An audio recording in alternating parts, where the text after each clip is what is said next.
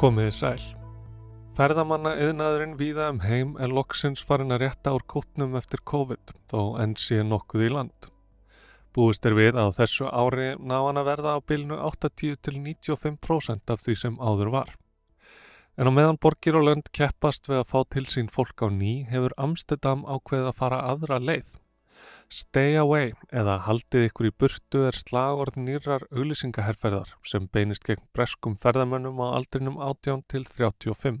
Í stað þess að sína þeim ægifögur síki, ræksmuseum, fallegt fólk á hjólum og gamlar byggingar eins og hefbundnar ferðamannaauðlýsingar byrtast myndskeið af handtökum og fangaklefum undir texta sem skerpir á alvarleika þess að lenda á sakaskrá. Borgarbúar hafa fengið nóg af fyllir í slátum stóra hópa í stekja, djam og partíferðum sem sækja Amsterdam heim vegna þeirra frjálslegu viðhorfa til vímuefna og kynlífstjónustu sem ennkjent hafa borgina síðustu ára og áratugi. Stór svæði borgarinnar eru orðinað leiksvæðum fyrir útlendinga og leita borgaryfirvöld leiða til að koma böndum á ástandið. Auglýsingaherferðin er eitt liður í því en einni hefur átt sér stað umræða um framtíð rauðakverfisins og kannabiskaffihúsana. Kynlífsverkakonur eru margar ósáttar við takmarkanir sem ætlað er að stemma stigu við kynlífsferðamennsku og kannabissalan er enn á lagalega gráu svæði. Ég heiti Snorri Rafn Hallsson og þú ert að hlusta á þetta helst.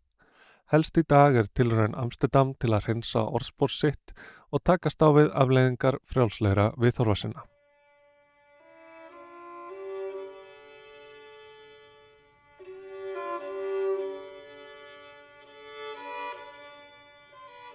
Kynlífstjónusta hefur lengi verið umborin í Hollandi, raunar allt frá miðöldum eins og eftirfarandi tilskipun frá árunni 1413 ber með sér. Vegna þess að vændiskonur eru nöðsynlegar í stórum borgum og sérstaklega verslunarborgum sem okkar, það er sannlega mun betra að hafa þessar konur en að hafa þær ekki og einni vegna þess að hinn heilaga kirkja umber vændiskonur af góðum ástæðum, Af þessum sökum skulu domstólar og síslumadur Amsterdam ekki banna rekstur vændishúsa með öllu.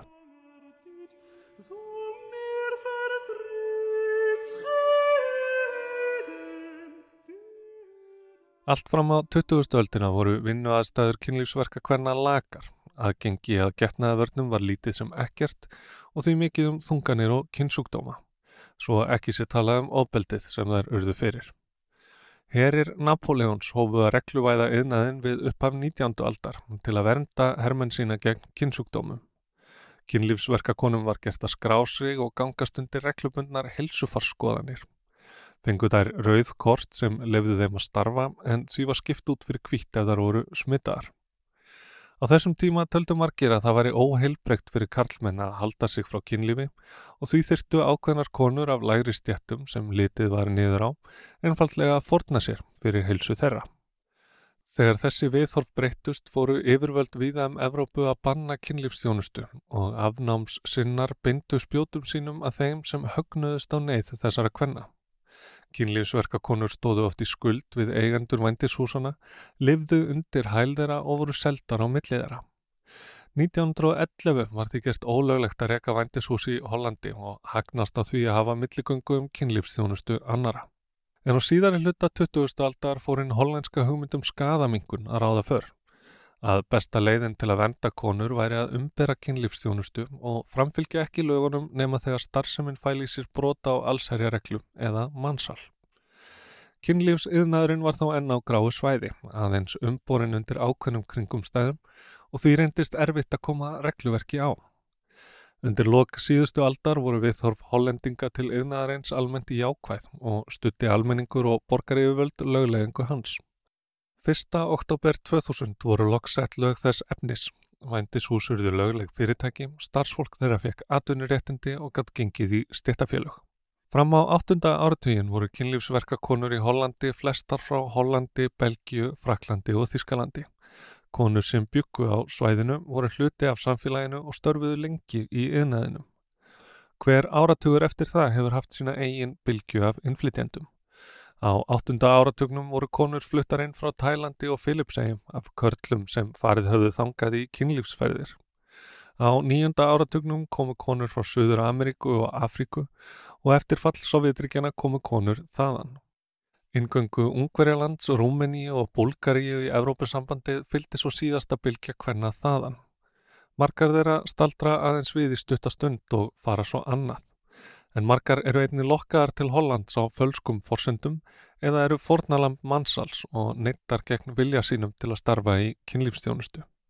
Talið er að meiri hluti kynlífsverka hvenna í Hollandi sé frá þessum löndum.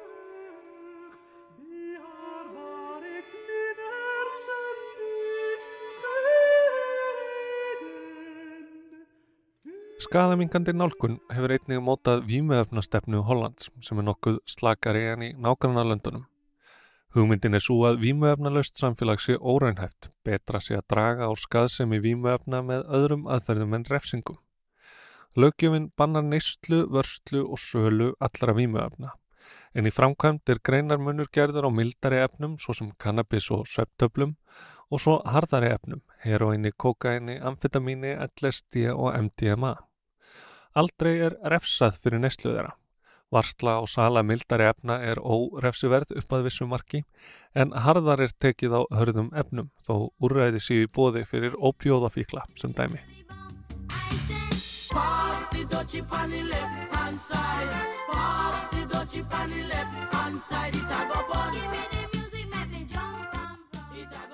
Frá 1976 hafa kaffihús í Hollandi því bóðið gestum sínum kannabis til sölu.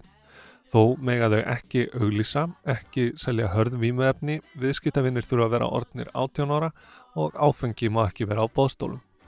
Brot gegn þessum reglum getur varðað lókun í 3-6 mánuði, ítrökuð og alvarleg brot lókun fyrir fullt og allt.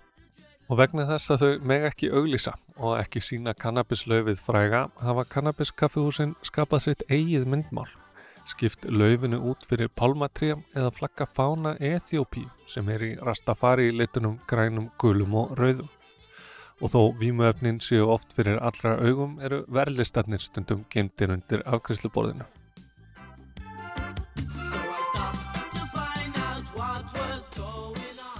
En þó framdyrnar séu opnar og kannabisilmin leggji yfir götur og stræti eru bakdyrnar læstar. Innflutningur og framleiðsla kannabisefna er ennað stærstum hluta ólögleg yðja og slík mál sótt til saka en einhver staðar verða kaffihúsin að fá efnin og eiga þau því viðskiptum við glæparhengi og svartan markað. Til að leysa úr þessari flækju hefur verið kallað eftir því að yðnaðurinn verði gerður að fullu löglegur eða reynlega bannaður. Pass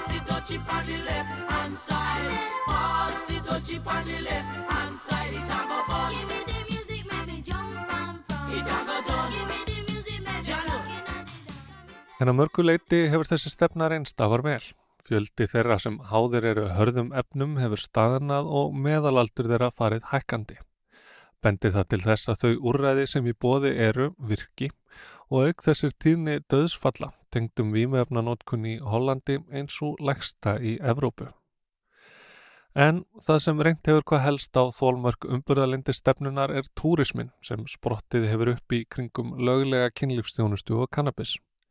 Vegna sérstöðu sinnar í álfunni hefur Holland orðið að áfangast að þeirra sem sækja í þetta og á hverju ári ferðast 20 miljónir manns til Amsterdam þó íbúarnir séu innan við miljón. Hefur borgin fengið á sig orðspór staðar þar sem allt má, hægt er að sleppa af sér beislinu og sletta ærlega úr klaufunum.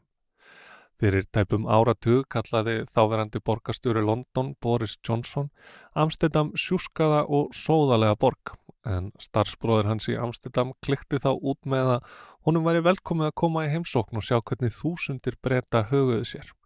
Þeir eru jakkalöysir þar sem þeir svega um götur rauðakverfisins og syngja You'll Never Walk Alone. Þeir eru klættir sem kaninur eða prestar eða naktir. Ég vil bjóða um að verða vittni að þessu. Ferðamenn og ekki bara frá Breitlandi eru enda þekktir fyrir óhóflega drikju og výmöfnanistlu, fyllir í slæti og ósæmilega hegðun.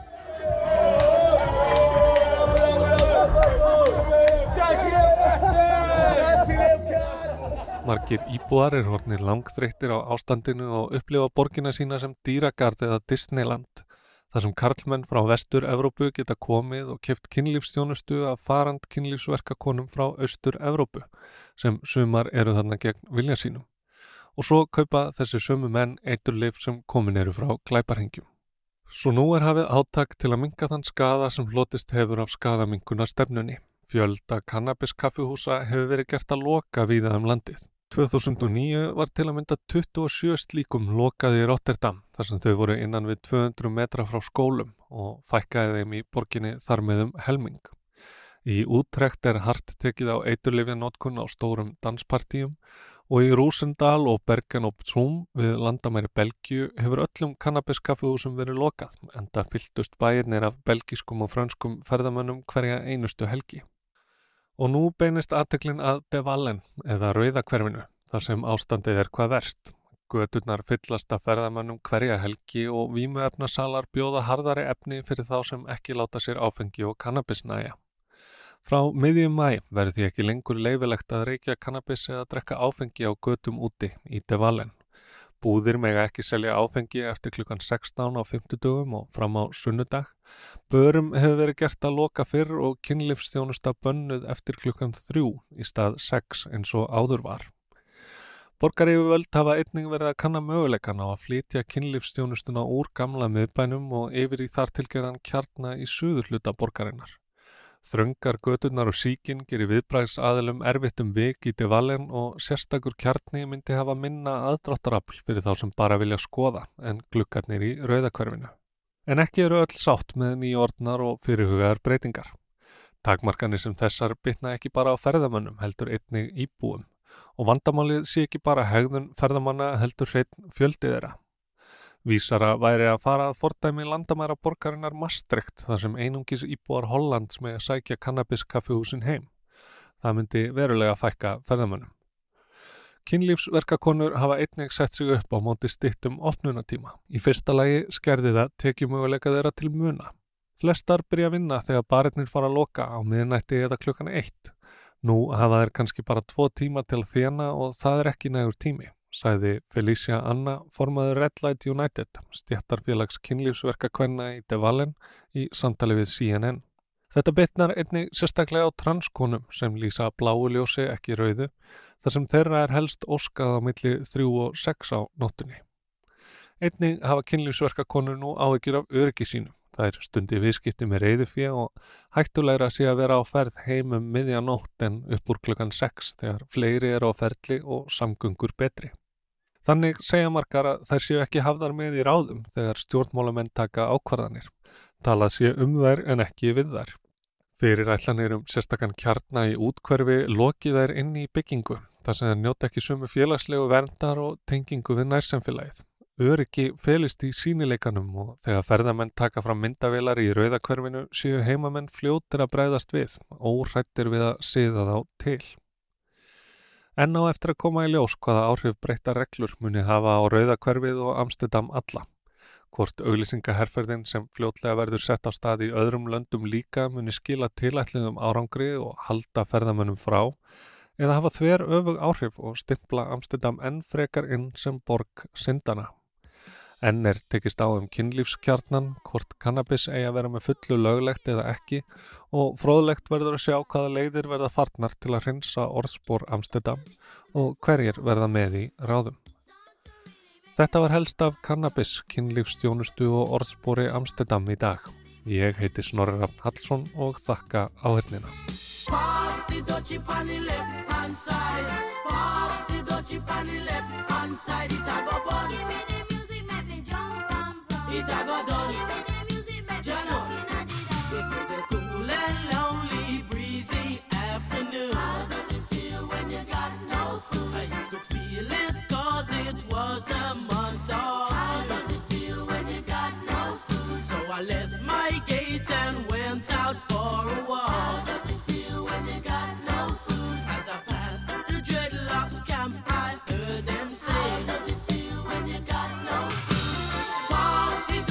On the left hand side. Pass the touchy on the left hand side. It a go bun. Give me the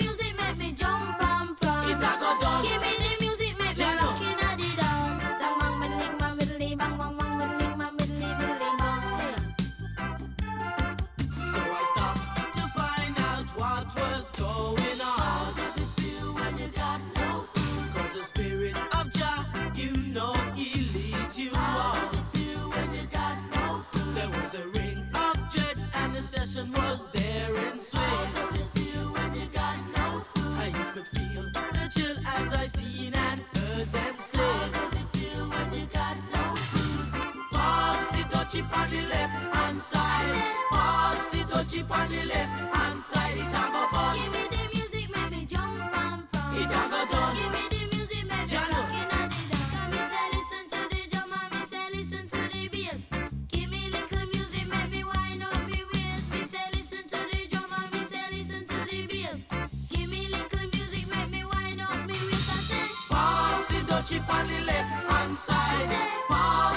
Dutchie on the left hand side. It a go fun. give me the music, make me jump and prance. It a go done. Give me the music, make me rock inna the dance. You play it on the radio, and so me say we a go hear it on the stereo.